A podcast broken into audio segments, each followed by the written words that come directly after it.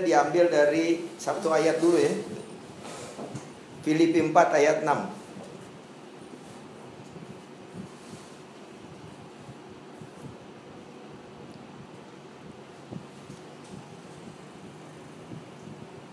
Udah dapat ya? Udah ya? Mari kita baca sama-sama 3 2 1 ya. Janganlah hendaknya kamu khawatir tentang apa pun juga, tetapi nyatakanlah dalam segala hal keinginanmu kepada Allah dalam doa dan permohonan dengan ucapan syukur. Ya. Yang kedua, ada tiga nih ayatnya. Matius 19 ayat 12.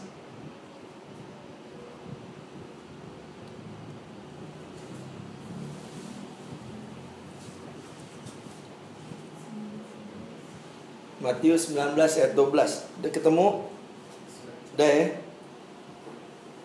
Baca lagi sama-sama. 3 2 1 ya. Ada orang yang tidak dapat kawin karena dari rahim ibunya. Dan ada orang yang dijadikan demikian oleh orang-orang lain. Dan ada orang yang membuat dirinya demikian karena kemauannya sendiri oleh karena kerajaan sorga. Oke. Siapa yang dapat mengerti hendaklah ia mengerti. Oke. Terakhir. Kejadian 1 ayat 18. Kejadian 2 ayat 18. Kejadian 2 ayat 18. Dah? Kita baca sama-sama lagi ya. 3 2 1 ya. Tuhan Allah berfirman tidak baik kalau manusia itu seorang diri. Aku akan menjadikan penolong baginya yang sepadan dengan dia. Demikianlah firman Tuhan, terpujilah Kristus. Haleluya. Saudara-saudara, shalom semuanya. Shalom. Apa kabar? Selamat hari Valentine ya. Terutama buat yang masih sendiri. Kalau saya, model saya sudah menikah, ya eh, tentu agak beda. Buat saya eh, Valentine itu kan cuma angka kalender. Ya, cinta tidak bisa dijadwalkan. Ya, kalau saya cinta dia, dia cinta saya, istri saya ini itu terjadi setiap hari. Ya, bukan cuma di Valentine tapi setiap hari. Kalau udah seumur umur saya sih. Tapi kenapa kok bisa cinta itu tumbuh demikian rupa luar biasa? Karena saya mengerti dia, dia mengerti saya. Saya mengerti bahwa perempuan suka bunga, bahwa perempuan suka coklat, tapi yang perempuan lebih suka adalah kepastian. Ya benar gak? Benar dong. Ya.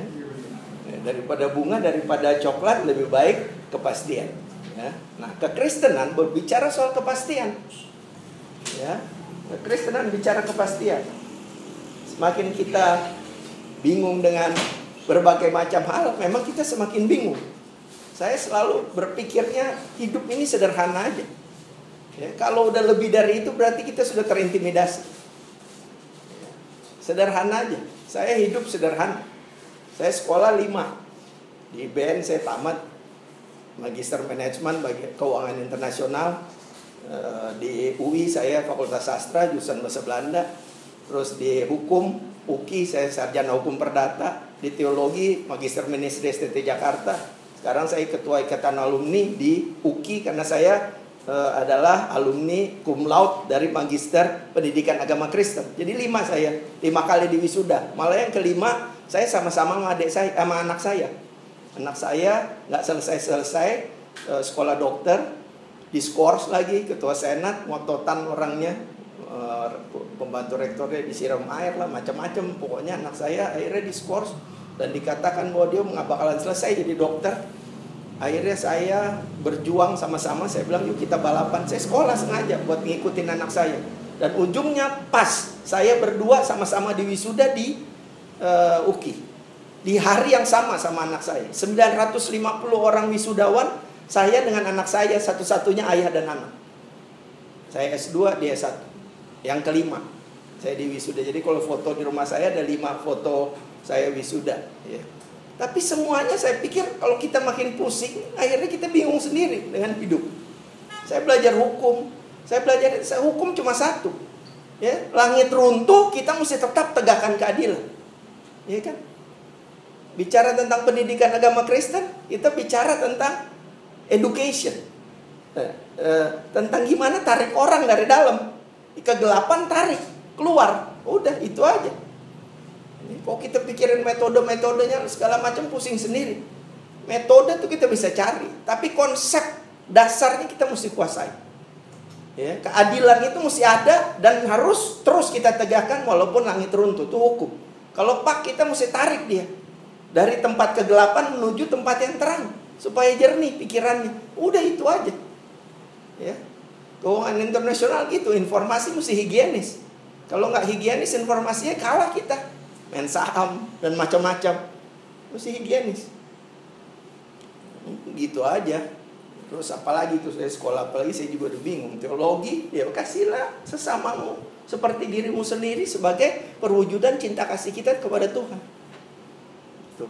Jadi menurut saya, saya senang nih ada MBTI, ada uh, attachment teori, ada ambivalennya tadi belum disebut ya.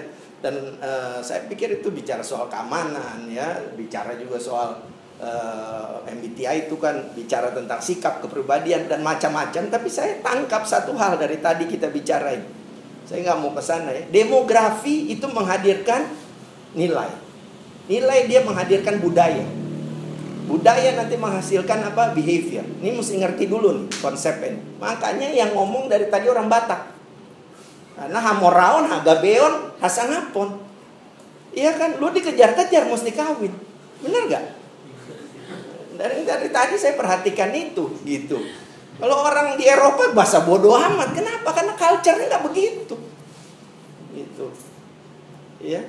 Nah ini mempengaruhi. Tapi sekarang kan kita hidup sebagai orang Kristen saya berdiri di sini sebagai pelayan firman ya jadi saya mesti bicara sesuatu yang memang berdasarkan uh, apa namanya pengetahuan yang saya tahu soal Alkitab ya jadi yang pertama tadi saya sudah katakan bahwa cinta itu ada sama kita tiap hari kita mesti saling mengenal makanya perlu pacaran sekarang kan ada Indonesia tanpa pacaran bagaimana kita bu, mau dapat pasangan yang sepadan yang sesuai kalau kita tidak pacaran Emang tebak manggis? Tahu zaman dulu saya suka tebak manggis.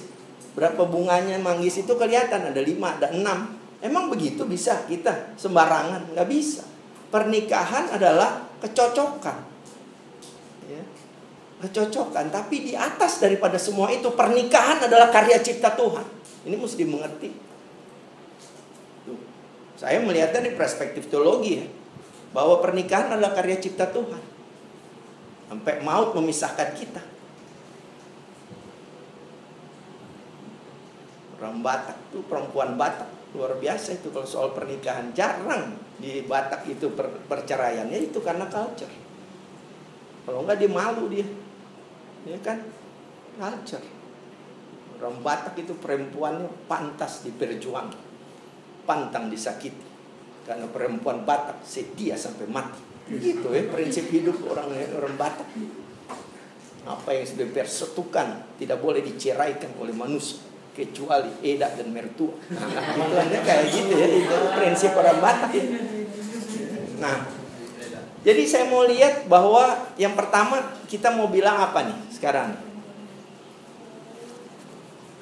Kita bicara kepastian kekristenan itu. Ya, ini mesti mengerti dulu nih kekristenan. Yuk, angkat tangannya lima. Ya, lima jarinya. Ya, lihat ini konsep dasar kekristenan sederhana. Lihat ini ya. Manusia kecil, lemah dan berdosa. Goyang kelingking. Ya, goyang kelingking. Manusia kecil, lemah dan berdosa. Ya kan ya? Betul ya? Tuhan ini bertahta di sorga. Maha besar, maha tahu, maha hadir, omnipresence, omnipotence, omniscience, ya. Nah, manusia ini suka dengan macam-macam pikiran. Mau coba untuk mendatangi Tuhan supaya selamat. Ya, makanya beda kekristenan dan yang lain. Yuk kita dorong kelingkingnya ini yang kecil lemah dan berdosa ini melakukan hal-hal yang transaksional dengan Tuhan supaya selamat, berbuat baik, dapat pahala, ini segala macam. Dorong sekarang kelingkingnya ke jempol. Satu, dua, tiga. Dorong sekerasnya. Jempolnya diem. Kan dia bertahta, tinggi, besar. Dorong. Satu, dua, tiga. Ya. Bisa nggak? Dorong sekerasnya. Ini diem, diem, diem. Jempolnya diem, jempolnya diem. Dorong sekerasnya. Dorong. Bisa atau tidak?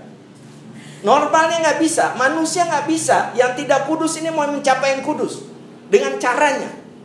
Potong apa itu ya? Potong uh, kerbau, apa kambing ya atau burung merpati orang Yahudi kan begitu ya.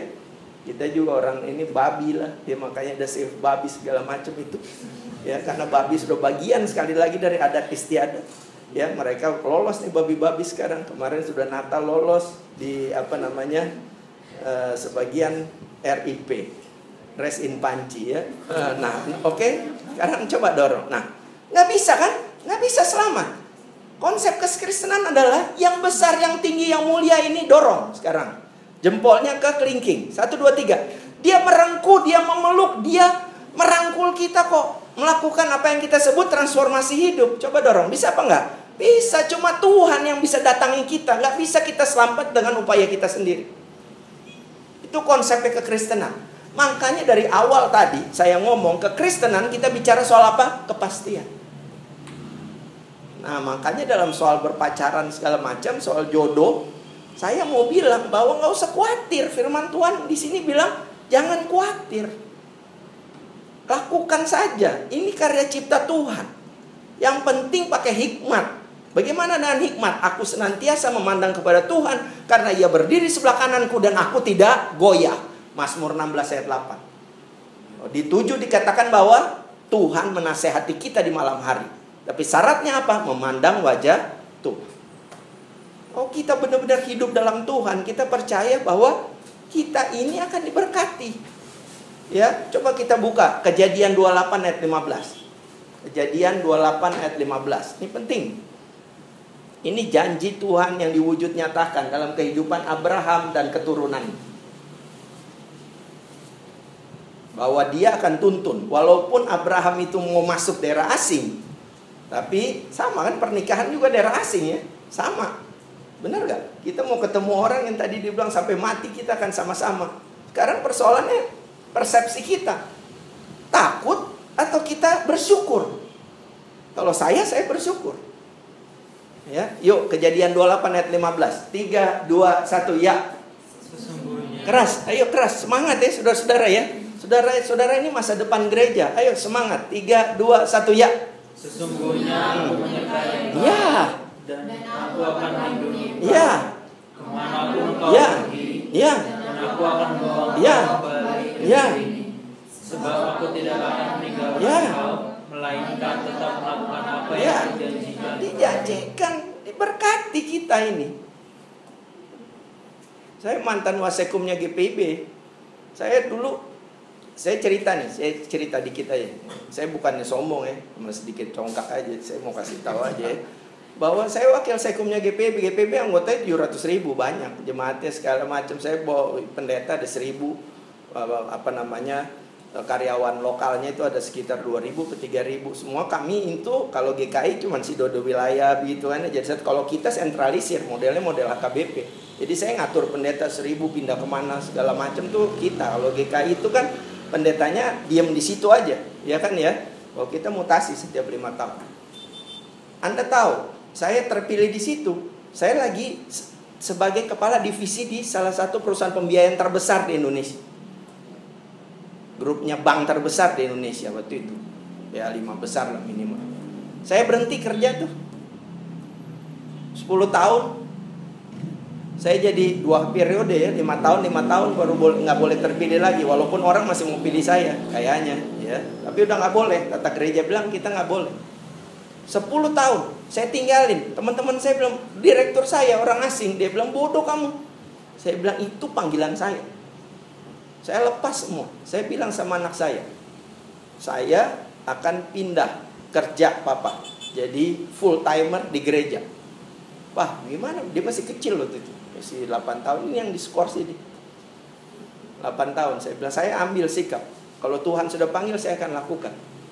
Kamu makan kentaki sekarang satu bulan satu kali saya bilang. Karena gajinya beda jauh. Ya satu bulan satu kali saya bilang. Biasanya tiga kali kita ya motornya dia uh, waktu itu motor canggih ya Kawasaki Ninja ya waktu itu bukan ninja yang ya yang kecil yang ninja kecil terus saya bilang kamu udah e, nanti akan dapat kamu Saya bilang. Ya, tapi motor lain nanti. Saya percaya kita diberkati. Eh, nggak tahu saya kerja. Gaji saya waktu itu sekian belas juta ya. Itu tahun 2005 tuh. Lumayan gede waktu itu. Mobil saya Toyota Altis. Ini saya ceritain nih ya. Altis waktu tahun 2005 tuh mobil bagus ya. Altis itu muncul pertama 2002, 2001, 2002. Saya dikasih mobil Altis sama kantor. Saya balikin kantor. Anda tahu, gaji saya 6 juta. Tapi saya kan punya latar belakang hukum. GPIB itu gereja ada di mana-mana. Saya mantan perusahaan pembiayaan. Saya buka Lloyd Law Firm, konsultan hukum. Begitu ada tarik-tarik barang, Anda tahu ya tarik-tarik barang ya. Ekskavator macet dan yang mana ada kredit kredit macet, mining ini itu.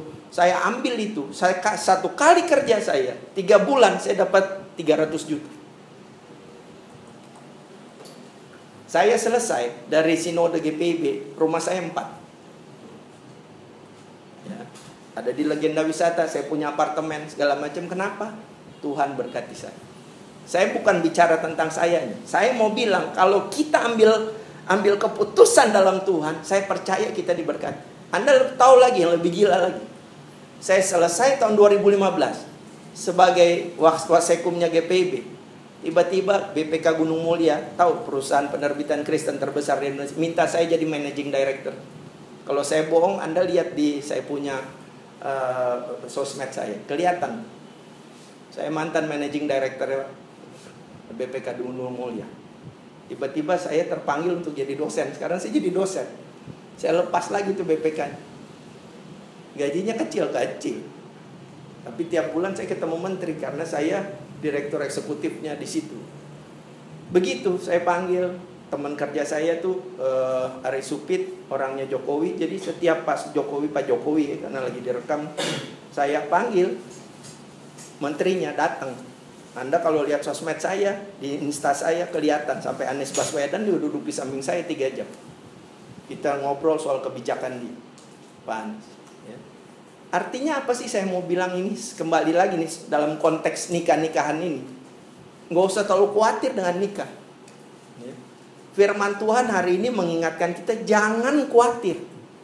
Naikkan pergumulanmu ini dalam ungkapan syukur dan apa? Doa. Nah ini yang paling penting message-nya. Satu, Tuhan, Tuhan jawab kita dengan 4D. Kalau kita berdoa, Ya, saudara-saudara mesti dengar nih, adik-adik nih. Yang pertama ada direct. Ini mesti dicatat supaya saudara tahu jangan kebingungan soal nikah. Ya, jadi ini orang cocok apa tidak mas saya? Tuhan bisa jadi jawabnya direct. Oke, cocok kamu nikah. Bisa. Kalau kita berdoa.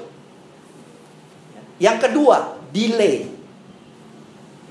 Lu mesti ada sesuatu yang mesti lo lakukan bersama dalam rangka mencari kesesuaian dan kesepadanan. Karena dibilang apa? Penolong yang sepadan. Benar ya? Jadi yang kedua adalah apa? Delay. Ingat ya, saudara-saudara, bahwa bangsa Israel masuk Kanaan, tanah kanan perlu waktu berapa? 40 tahun. Jaraknya cuma Jakarta Cirebon. 40 tahun. Yusuf diberkati setelah dia mesti masuk penjara berapa tahun? 13 tahun atau berapa tahun masuk di dalam. Paulus jadi Saulus, lalu kemudian jadi rasul, perlu waktu sampai dia pergi dulu ke Arab segala macam, delay. Mundur dulu, padahal di kejadian 9 ayat 15, yuk baca. Kejadian 9 ayat 15.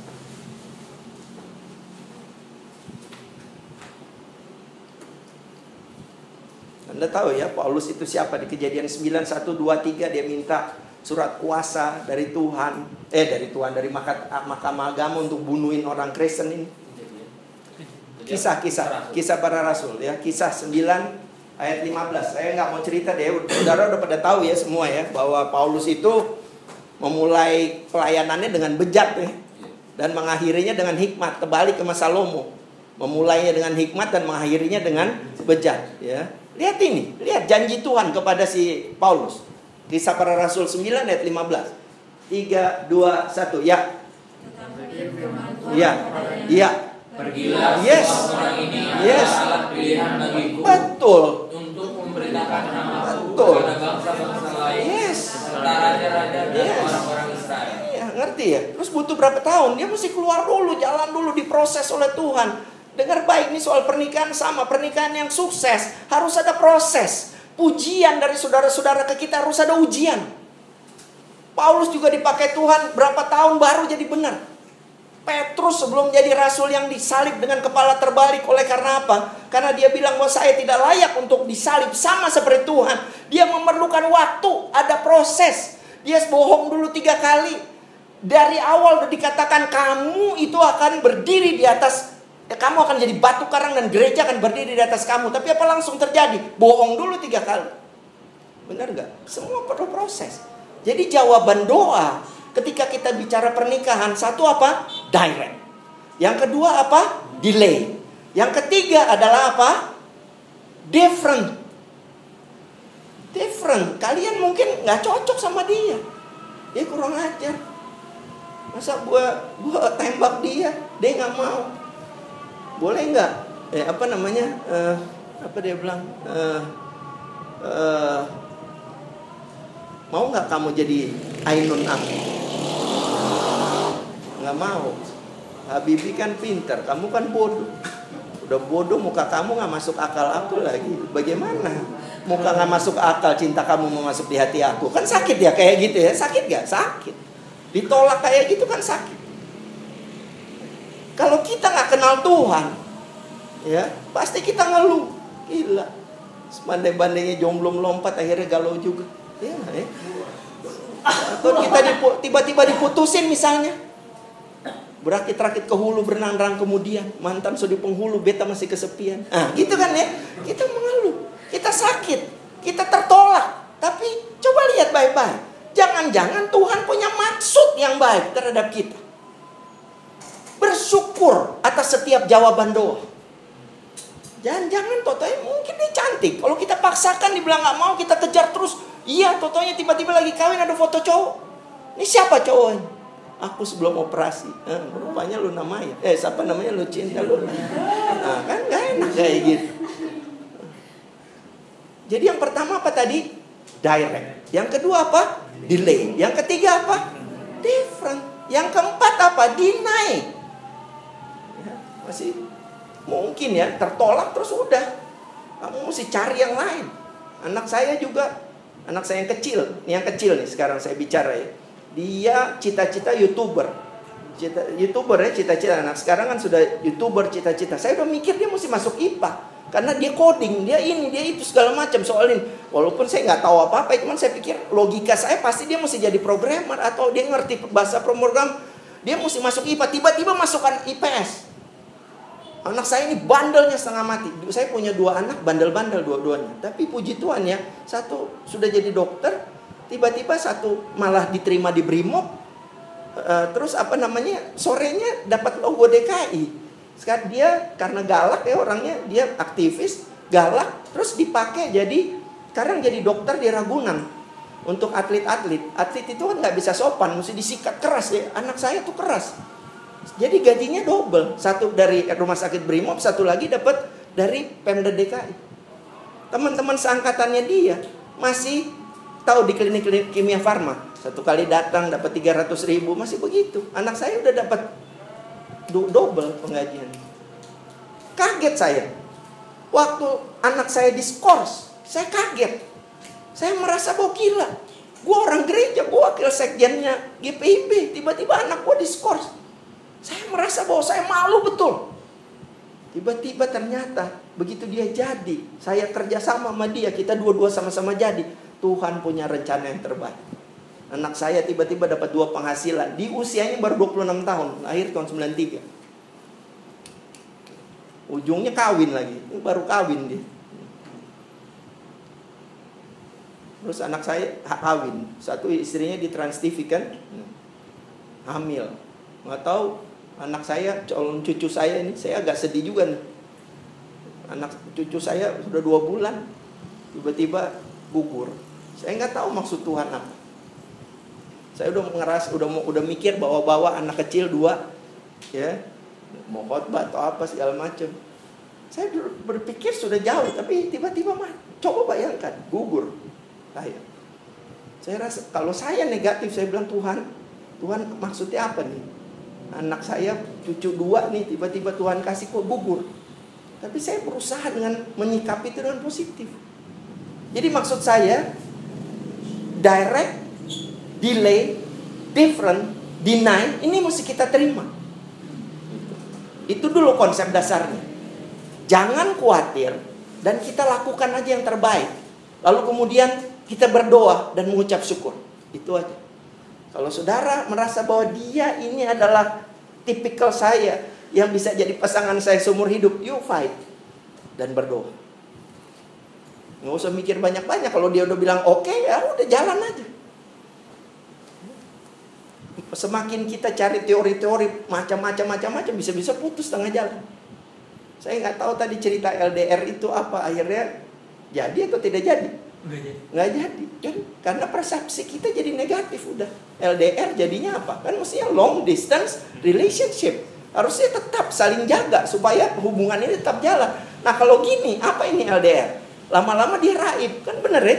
Raib bener, hilang. Karena ngelihatnya jadi negatif kan. Dia dia curiga, sini merasa tersinggung, kan gitu ya ujungnya. Tapi kalau kita letakkan persoalan kita, pergumulan kita di hadirat Tuhan, kita tahu ada jalan keluar yang penuh dengan sorak-sorai. Kebaikan Tuhan dinyatakan. Nggak ada perempuan yang sempurna, nggak ada laki-laki yang sempurna. Tapi ketika kita bisa menyesuaikan diri, saling mengerti satu dengan yang lain, Tuhan akan lindungi perjalanan rumah tangga kita. Jadi satu ya. Yang kedua, yang saya mau bilang adalah jangan khawatir, maju, melangkah aja, nggak usah takut. Seperti saya ya, saya berhenti dari mungkin saya pikir dari kerja itu mungkin udah direktur di mana di bank mungkin apa saya saya nggak apa-apa. Ujungnya saya jadi direktur juga, dua kali saya jadi direktur. Saudara juga begitu. Ini jangan cuma nikah ya, prinsip hidup saudara juga begitu. Jalan, jalani aja. Kalau Tuhan perintahkan, dengar baik-baik suara Tuhan dengan apa? Hikmat. Bagaimana cara mendapatkan hikmat? Memandang wajah Tuhan doa, syukur, sate 4M, saat teduh, sate 4M, saat teduh 4M, membaca firman, merenungkan firman, mengerti firman, membagikan firman. Jaga hubungan dengan Tuhan. Bagaimana jaganya? Intimacy. Devosi. Kalau kita intim dengan Tuhan pagi-pagi, kita bangun baca Alkitab. Mau usah lihat segala macam. Kurang ajar. Luna Maya Syahrini yang yang apa prospek dia yang closing. Gak usah urusan kayak gitu loh. Namanya di bawah-bawah. Syahrini baca dulu Alkitab nggak ada urusan sama kita. Intimacy. Dua apa? Devosi. Orang kalau rajin baca Alkitab dia akan bersyukur berdoa memuji Tuhan. Berdevosi. Beribadah. Yang ketiga kalau udah intimacy devosi yang ketiga muncul apa? Holiness. Kita pacaran juga tahu diri nggak main hantam sana hantam sana.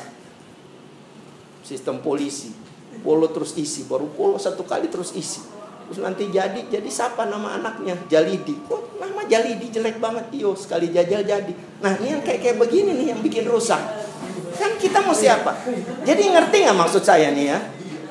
Maju tapi kita benar-benar jalan di jalan Tuhan. Gitu maksud saya.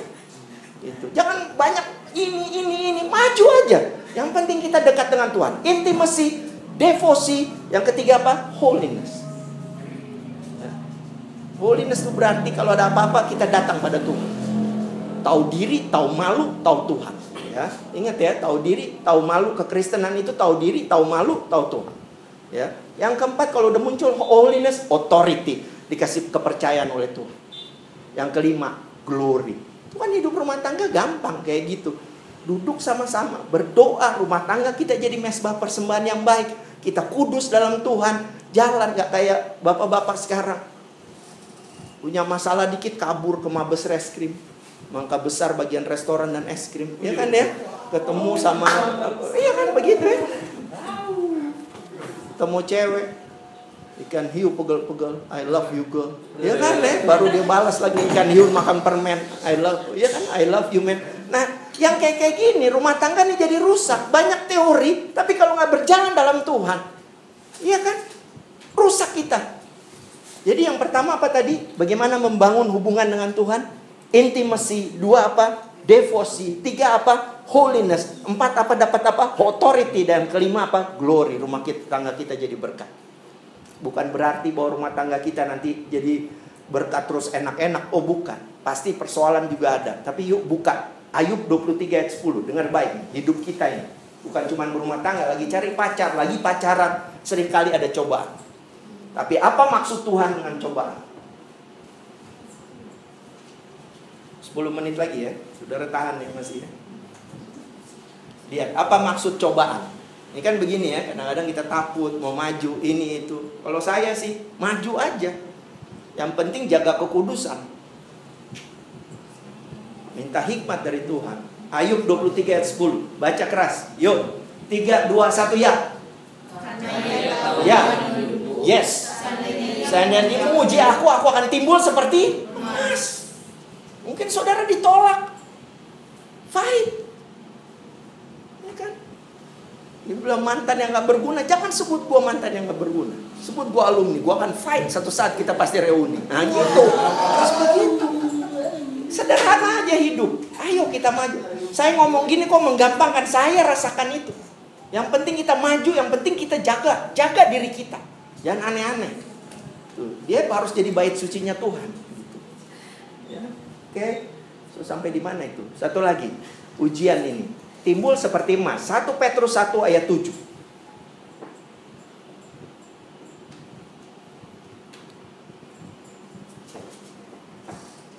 Ayo, maju dan tahan uji. Berdoa dan bersyukur. Jalan aja, melangkah aja. Hmm? 1 Petrus 1 ayat 7. Saya prinsip saya hidup gampang. Kiri kanan boleh membenci, depan belakang boleh membenci, tapi saya tahu yang di atas sayang saya. Udah itu aja. Yang penting jangan ikut arus. Yang ikut arus itu cuma satu sendal jepit. Yang kedua adalah plastik bekas gorengan. Yang ketiga adalah ikan mati. Itu prinsip saya. Lawan. Yang penting kita berani menyatakan tidak kepada hal-hal yang bukan menjadi prioritas dalam hidup kita. Ya, ayo 1 Petrus 1 ayat 7. Keras ya. 3 2 1 ya. Keras, keras. Ayo semangat, semangat. Hmm. Yes.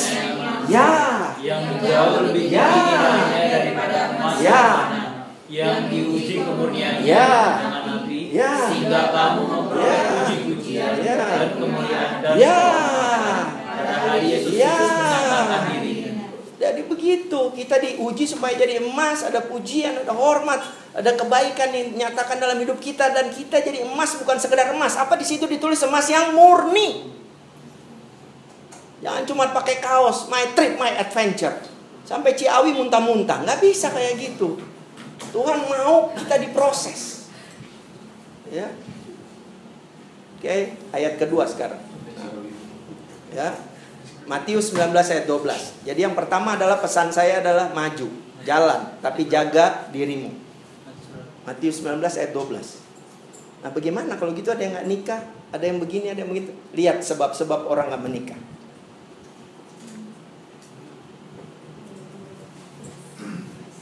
Matius 19 ayat 12 3, 2, 1 Keras ya 3, 2, 1 Ya Ada orang yang tidak dapat kawin karena Ya. dia memang lahir demikian dari rahim ibunya. Ya Dan ada orang yang dijadikan demikian oleh orang lain Dan ada orang yang membuat dirinya demikian Karena kemauannya sendiri Oleh karena kerajaan sorga Siapa yang dapat mengerti, janganlah dia mengerti Firman Tuhan bilang apa? Yang pertama orang yang kawin adalah orang yang apa? Mau memberikan diri untuk Tuhan. Dia konsentrasi penuh untuk Tuhan. Ya, yang kedua apa? Dibikin orang sampai nggak bisa nikah. Bagaimana ditembak misalnya lumpuh segala macam terus nggak bisa berdiri. Maaf ya, yang perempuan benar nggak? Dia merasa bahwa, oh, gue susah kalau nikah, gue nggak bisa keluar membahagiakan keluarga gue, misalnya gitu ya. Itu kan dibikin orang. Ya, Dari luar itu faktor-faktor eksternal bisa terjadi hal seperti itu atau dari dalam. Nah, ini sebenarnya masih saya tahu teman-teman ma- pasti bicara soal LGBT IQ ya di sini ya. Seringkali apakah dari rahim itu berarti eh, faktor genetik mempengaruhi kan gitu ya? Itu jadi pertanyaan ya. Makanya nggak bisa kawin. Saya saya nggak mau masuk ke situ ya karena saya sih pikiran saya konservatif. Saya konservatif. Tuhan ciptakan cuma dua jenis kelamin, laki dan perempuan. Ya, ada kalau bicara soal genetik, saya juga tahu teman saya Bonas Manungkali dokter, di UKI juga dia dosen, dia bilang sama saya dua per mil itu faktor genetik, yang lain itu faktor dari luar. Ya kalau orang tiba-tiba jadi apa namanya, jadi ya begitu ya, tahu ya, lekong tapi pewong ya, gemulai tapi berjakun ya. Tapi kalau kita hubungkan sama yang pertama, tetap ya, ya ada bahasanya juga mereka ya. Jengong tekotek ya jangan takut ya kalau tadi itu ya Tuhan Yesus ya mawar bala bala bala, bala uh, berkat ya. Jangan takut Tuhan Yesus mau bawa berkat ya. Jadi sama Filipi 4 ayat 6 juga itu. Jangan takut. Mereka juga tapi apa mereka berdosa? Apa ini? Saya nggak berani menghakimi. Saya belum tahu. Jangan-jangan dia keluar benar-benar genetiknya salah ya. Artinya kok begini orientasi seksualnya beda. Cuman saya belum bisa belum bisa mempercayai sepenuhnya. Saya cuma tahu bahwa Gereja mesti menerima mereka. Kalaupun mereka tetap dalam status mereka seperti orientasi yang nggak bisa berubah, mungkin itu genetik, tapi gereja mesti memulihkan mereka supaya mereka nggak misalnya jadi pedofil, jadi ini segala macam. Menurut saya itu udah menyimpang, itu yang mesti dikembalikan lagi. Aspek hukumnya juga main. Tapi sepanjang dia baik, saya pikir kita mesti terima dia. Sama dengan orang kena HIV. Kita bukan benci orangnya, tapi kita mesti selesaikan HIV-nya dia kan begitu. Jadi ini mau mengatakan bahwa ada juga orang-orang yang tidak menikah. Ya, tapi itu datangnya dari mana? Bisa dari rahim. Bisa dibikin nggak bisa menikah. Ya.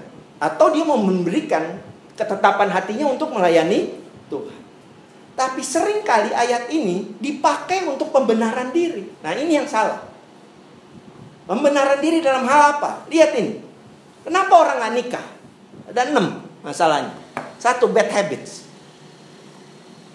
Habitnya jelek. Mau kerja tapi mau nikah. Eh nggak kerja tapi mau nikah. Kerja di mana? ABK. Oh luar biasa kapal pesiar.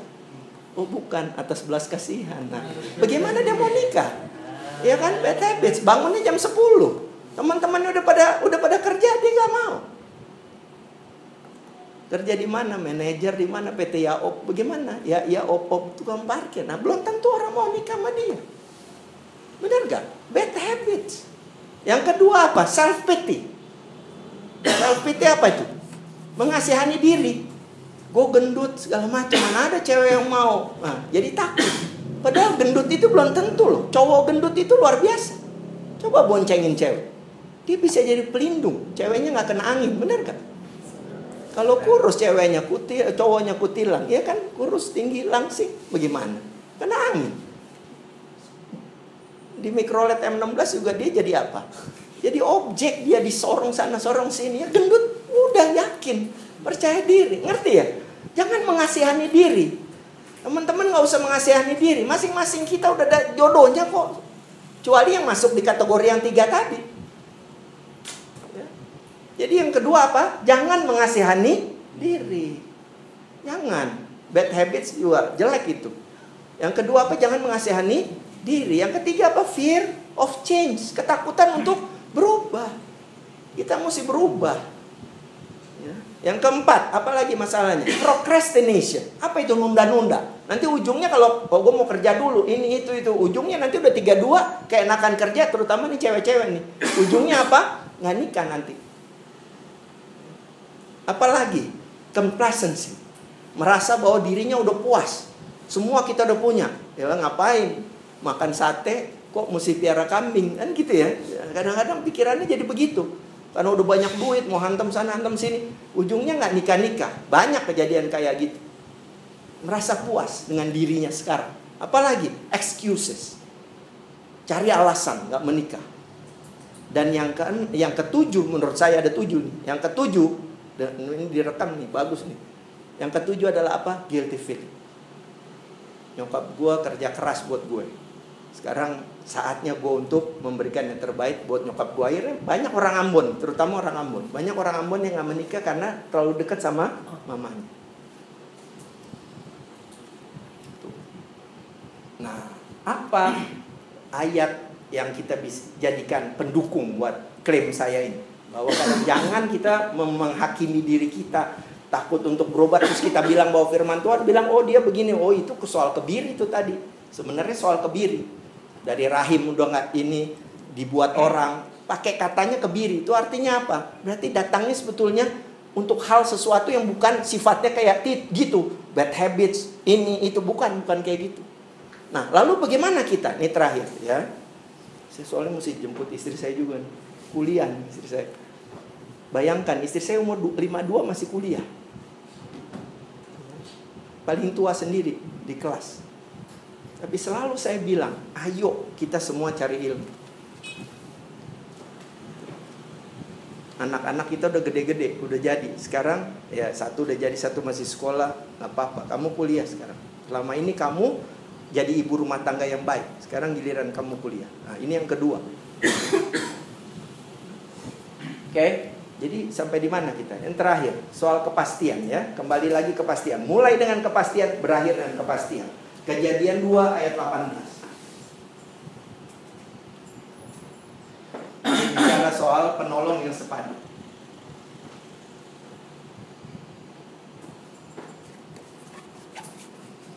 Sudah dapat semuanya? Dah? Dah ya? Yuk kita baca kejadian 2 ayat 18 3, 2, 1 ya Tuhan Allah berfirman ya. Tidak baik kalau ya. manusia ya. itu seorang diri ya. saja Aku akan menjadikan penolong baginya ya. Yang sepadan dengan dia ya. Sifatnya umum ya Umum. Firman Tuhan ini umum. Yang Yesus katakan tiga tadi Itu bicara soal kekhususan ya. Umumnya kita semua mesti punya pasangan. Jadi saudara-saudara yang ngomong ini bukan siapa? Bukan Musa. Yang ngomong bukan Harun. Yang ngomong bukan Ur. Yang ngomong bukan Miriam. Yang bicara ini firman Tuhan firman Tuhan bilang apa setiap manusia itu ujungnya nanti mesti berpasangan kalian nggak usah takut dengan soal jodoh saya percaya kalau kalian mantap, mantap ya, mantap mantap otentik ya, dengar baik ya, mantap otentik karena ada yang bicaranya mantap tapi niatnya kuat, mulutnya kuat tapi niatnya itu cuma sampai dari kepala sampai mulut sini. Sininya nggak mantap sebenarnya. Mestinya dia akan mendapat pasangan. Ini janji Tuhan. Dan tadi kejadian 28 ayat 15 bilang apa? Aku akan mewujudkan janjiku. Jadi saudara-saudara, saya mau bilang Jangan terlalu pusing dengan pernikahan. Mau 25 tahun, mau 30 tahun, kalau sudah ada waktu Tuhan, itu akan terjadi buat saudara. Yang penting buat saya adalah apa? Berdoa, mengucap syukur, dan jaga diri saudara. Ingat ya, sumpah pemuda, bukan sampah pemuda. Nanti ya. Jangan kita jadi sampah masyarakat. Ada yang ngelem, ada yang aika-ibon, kita cari-cari karena udah nggak laku. Stadium 4 jomblonya terus macam-macam. Saya kasih tahu ya Aika Ibon siapa yang udah pernah Aika Ibon? Belum pernah ya? Rata-rata belum ya? Semua sehat-sehat baik-baik saudara tahu nggak? Aika Ibon itu kalau ngelem itu mesti pakai ini. Pakai kantong plastik. Makanya mesti ada temen kalau ngelem kenapa karena kan kalau kita isep kan asapnya itu dia nggak mau keluar supaya makin banyak yang masuk. Makanya pakai apa? Pakai kantong plastik. Nah, kalau semua muka kita ini nanti ada asap, ada macam-macam masuk di sini, ngelem nih semuanya. Ujungnya apa? Nggak bisa napas bener gak? Ujungnya apa? Mati kita. Terus mau bicara soal bahwa tiap orang manusia ini ada pasangannya. Kita sendiri yang cari mati kok. Jadi saya mau bilang dari awal sampai akhir nih saya udah mau mengakhiri. Satu, jangan khawatir. Yang kedua, tetap berdoa. Yang ketiga, mengucap syukur dalam segala hal. Tekun dalam kesesakan. Yang kelima, jaga diri. Hidupku adalah Kristus. Ya kan ya, kalau aku mati itu kebahagiaan. Tapi kalau gue hidup, gue mesti menghadirkan apa? Buah. Filipi 1 ayat 20. Jadi jadi berkat. Mau kawin, jadi berkat mau nggak kawin jadi berkat. Benar gak? Gitu. Ya, yang penting hidup hidup kita ini terarah kepada Tuhan. Kalaupun kita tidak kawin, kita tahu bahwa kita tahu mau ke mana, siapa yang sambut kita nanti di sana. Oke, saya rasa itu aja dari saya, nggak usah banyak-banyak. Saya pikir saudara-saudara, saya lihat mukanya ganteng-ganteng dan lumayan cantik ya. Uh, Tapi sekali lagi saya, siapa kamu namanya? Sandro Pak. Sandro bilang bahwa kakaknya yang cantik 24 tahun itu tiba-tiba 30 tahun jadi kelihatan gemuk ya. Kan begitu tadi ya. Kecantikan itu fana. Tapi kecantikan hati itu, fisik itu fana. Tapi kecantikan hati itu tidak akan orang makin lama makin cantik kalau dia makin dekat dengan Tuhan. Dengar baik. Muka kita tuh cerah. Senyum kita juga manis. Biar gigi kita nggak di tahu ini veneer? Yang sampai putih banget tuh. ya. Tapi kalau muka kita cemberut aja, nggak bakalan kelihatan cantik. Biar muka kita biasa, tapi kalau kita dekat dengan Tuhan, kita tahu bahwa Tuhan bersama kita selalu, muka kita akan cantik. Kalian pasti dapat jodoh. Salaman coba, bilang semua. Sulit tapi bisa. Ayo sama-sama bilang. Salaman, salaman bilang. Sulit tapi bisa. Ya, kamu harus yakin semua, oke? Berdiri semua, ya, berdiri semua. Jadi pertama kita tahu jangan takut. Yang kedua ada orang-orang yang menikah. Tapi sebab-sebabnya Tuhan Yesus katakan. Karena sebagian besar Allah bilang apa? Kalian akan berpasangan. Ada jodoh. Persoalannya adalah di hati kita sekarang. Ya. Itu yang menentukan. Sikap batin kita yang menentukan. Takut, berani. Ya kan ya, mau kudus atau tidak kudus. Mau jadi sumpah yang baik di hadapan Tuhan, menyatakan iman kita atau mau jadi sampah. Itu semua kembali ke kita. Tuhannya selalu baik. Tapi dengar baik ya, kalaupun kita udah jalan jauh, saya nggak tahu saudara hidup seperti apa. Kalaupun kita udah jalan jauh, balik.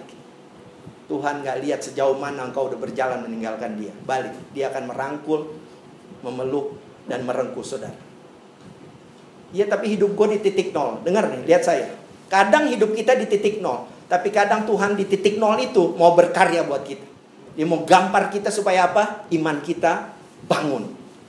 Tidur iman kita. Mesti yakin betul. Dengar. Bahwa hidup kita adalah rancangan Tuhan. Ada dalam rencana Tuhan.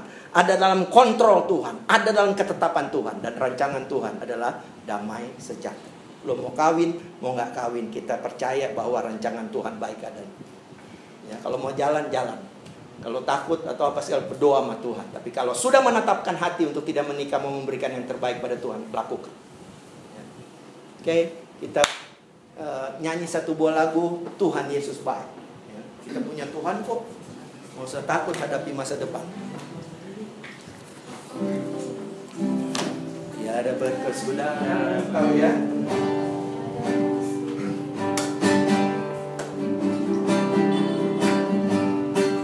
Main cepet ya. Yuk. Berkesudahan kasih setiamu Tuhan Selalu baru rahmatmu bagiku. Hari berganti hari. Hari berganti hari. Tetap kulihat kasihmu. Tak pernah berakhir di hidupku. Katakan Tuhan Yesus baik. Tuhan Yesus baik. Ya ya ya amat baik. Ya ya ya Untuk selama-lamanya Tuhan Yesus baik. Tuhan Yesus baik. Sungguh amat baik. Ya ya ya. Untuk selama-lamanya Tuhan Yesus baik. Sekali lagi Kabar kesudahan Pada berkesudahan. Kasih setiamu Tuhan. Selalu baru rahmatmu bagiku Hari berganti hari. Hari berganti hari Tetap kulihat kasihmu. Tak pernah. Tak pernah berakhir Di hidupku. Yeay, Yuk tangan main. Tuhan Yesus baik. Ya ya ya Sungguh amat baik. Ya ya ya. Untuk selama-lamanya Tuhan Yesus baik Musik berhenti. Katakan sama-sama Tuhan Yesus baik. Sungguh amat baik. Untuk selama-lamanya Tuhan Yesus baik. Ya Tuhan Yesus baik. Tuhan Yesus baik. Ya ya ya. Sungguh amat baik. Ya ya ya. Untuk selama-lamanya Tuhan Yesus untuk selama-lamanya Tuhan Yesus baik. Itu saudara mesti semangat ya. Jangan takut menghadapi hidup. Anak-anak muda diperlengkapi dengan baik ya oleh Tuhan. Saudara-saudara generasi masa depan. Saatnya saudara mempersiapkan diri untuk jadi generasi ujung tombak gereja melayani jadi berkat buat banyak orang. Jadi kalau menikah keluarga saudara jadi berkat. Oke, okay? yuk mau berdoa. Duduk dulu ya. Doa ya. Kita berdoa ya. Mari kita setelah doa. Bapak di surga, bersyukur untuk firman-Mu mengingatkan kami untuk tetap setia, tetap maju, melangkah, mengerti akan maksud Tuhan dalam hidup kami, secara khusus dalam kehidupan cinta kami. Kami percaya Tuhan, ketika kami menjadi anak-anak muda Kristen yang baik, Tuhan siapkan yang terbaik bagi kami. Kami percaya Bapak bahwa pertolongan Tuhan tepat pada waktunya. Sepanjang ada pengharapan, ada doa yang dinaikkan, ada ungkapan syukur ketika kami menghadapi situasi tersulit sekalipun. Kami percaya jawaban Tuhan baik adanya. Ketika kami meletakkan pergumulan kami di hadirat Tuhan yang kudus, ada jalan keluar yang terbaik yang Tuhan sudah persiapkan bagi kami yang mengandalkan Tuhan. Kami berdoa untuk orang tua kami di mana pun mereka berada. Mereka yang sudah membesarkan kami dengan air mata dan keringat. Tuhan tolong orang tua kami usia mereka semakin menua. Tapi kami percaya Bapak jasmani mereka semakin lemah tapi rohani mereka semakin dikuatkan. Ajarkan kami untuk terus membangun ikatan damai sejahtera kami dengan orang tua kami. Sehingga kami boleh saling menguatkan, saling menasehati, saling mendoakan satu dengan yang lain. Kami percaya keluarga kami akan Tuhan pakai sebagai buku Kristus yang terbuka di tengah-tengah masyarakat. Bahkan kami boleh menjadi saksi Tuhan yang kredibel dan kompeten. Terima kasih Bapak, berdoa juga untuk GKI Cawang di tempat ini Tuhan berkati, Bapak Pendeta, Ibu Pendeta, seluruh majelis jemaat Tuhan berkati. Kami percaya Bapa, mereka sudah memberikan diri, tenaga, pikiran untuk mengelola gereja ini. Kami percaya GKI Cawang di tempat ini akan menjadi berkat bagi banyak orang. Berdoa secara khusus untuk komisi pemuda di tempat ini. Tuhan tolong mereka, anak-anak muda. Tuhan berkati orang-orang muda ini berikan hikmat kecerdasan, kemampuan, keteguhan, hati untuk terus melayani Tuhan. Kami percaya Sekalipun didera kiri kanan kami percaya tidak ada yang sanggup menghentikan berkat Tuhan bagi anak-anak muda ini yang Tuhan sudah pilih untuk menjadi saksi-saksi Tuhan. Kami juga berdoa untuk pekerjaan mereka. Kami berdoa untuk studi mereka. Kami berdoa untuk kesehatan mereka. Kami percaya Tuhan persiapkan mereka untuk kebaikan Tuhan di kemudian hari. Ada banyak hal yang mereka akan lakukan, tapi Tuhan akan berjalan bersama dengan mereka. Kami berdoa untuk Indonesia tercinta. Terima kasih Tuhan. Pak Jokowi, Pak Prabowo sudah berrekonsiliasi. Jadi satu tim di kabinet kerja yang saat ini sedang melayani dalam pemerintahan. Tuhan berkati Indonesia semakin sejahtera. Para pemimpin boleh berpihak pada penderitaan orang banyak. Sehingga pada gilirannya nanti Indonesia semakin bermartabat di mata dunia. Dan pada gilirannya juga rakyat akan semakin bersuka cita oleh karena Indonesia boleh menjadi tempat yang teduh tentram, kami berdoa untuk setiap upaya-upaya intoleran yang saat ini sedang melakukan hal-hal yang tidak baik. Di dalam nama Tuhan Yesus kami tengking, kami usir kuasa-kuasa jahat ya Bapak. Biarlah Indonesia boleh menjadi tempat bagi semua agama. Indonesia boleh menjadi tempat perteduhan, bahkan Indonesia boleh menjadi rumah syukur bagi bangsa ini. Berdoa untuk untuk pelayanan gereja di mana pun berada dan secara khusus kami berdoa untuk Papua, untuk Mentawai. Biarlah saudara-saudara kami di tempat itu juga boleh terus bertahan menghadapi sulitnya hidup dan pada gilirannya Bapa kuasa Tuhan dinyatakan sehingga mereka boleh melakukan hal-hal untuk memperbaiki kualitas hidup mereka. Ajarkan kami juga sebagai orang-orang Kristen di kota-kota besar untuk bersatu hati menolong dengan tindakan nyata. Saudara-saudara kami yang berada di daerah-daerah terpencil, yang terjauh berbatasan dengan negara lain. Tuhan tolong saudara-saudara kami ini. Cara khusus di daerah-daerah Kristen yang saat ini banyak mengalami keterbelakangan. Bahkan di Indonesia daerah-daerah yang terbelakang adalah daerah-daerah yang dominan orang-orang Kristen. Tuhan pakai orang-orang muda di hadapan kami untuk melakukan yang terbaik bagi bangsa dan melakukan yang terbaik bagi saudara-saudara seiman. Akhirnya kami mau berdoa untuk pribadi lepas pribadi kami. yang saat ini sedang bergumul. Masalah ekonomi, masalah kesehatan, orang tua yang saat ini juga mengalami persoalan dalam rumah tangga kelihatan baik tapi ternyata ada pergumulan di belakang sana. Mereka yang saat ini juga mengalami keterikatan dengan hal-hal yang saat ini tidak berkenan di hadapan Tuhan. Tuhan Yesus, malam hari ini kami menaikkan doa-doa kami kiranya Tuhan berkenan untuk memulihkan kehidupan kami.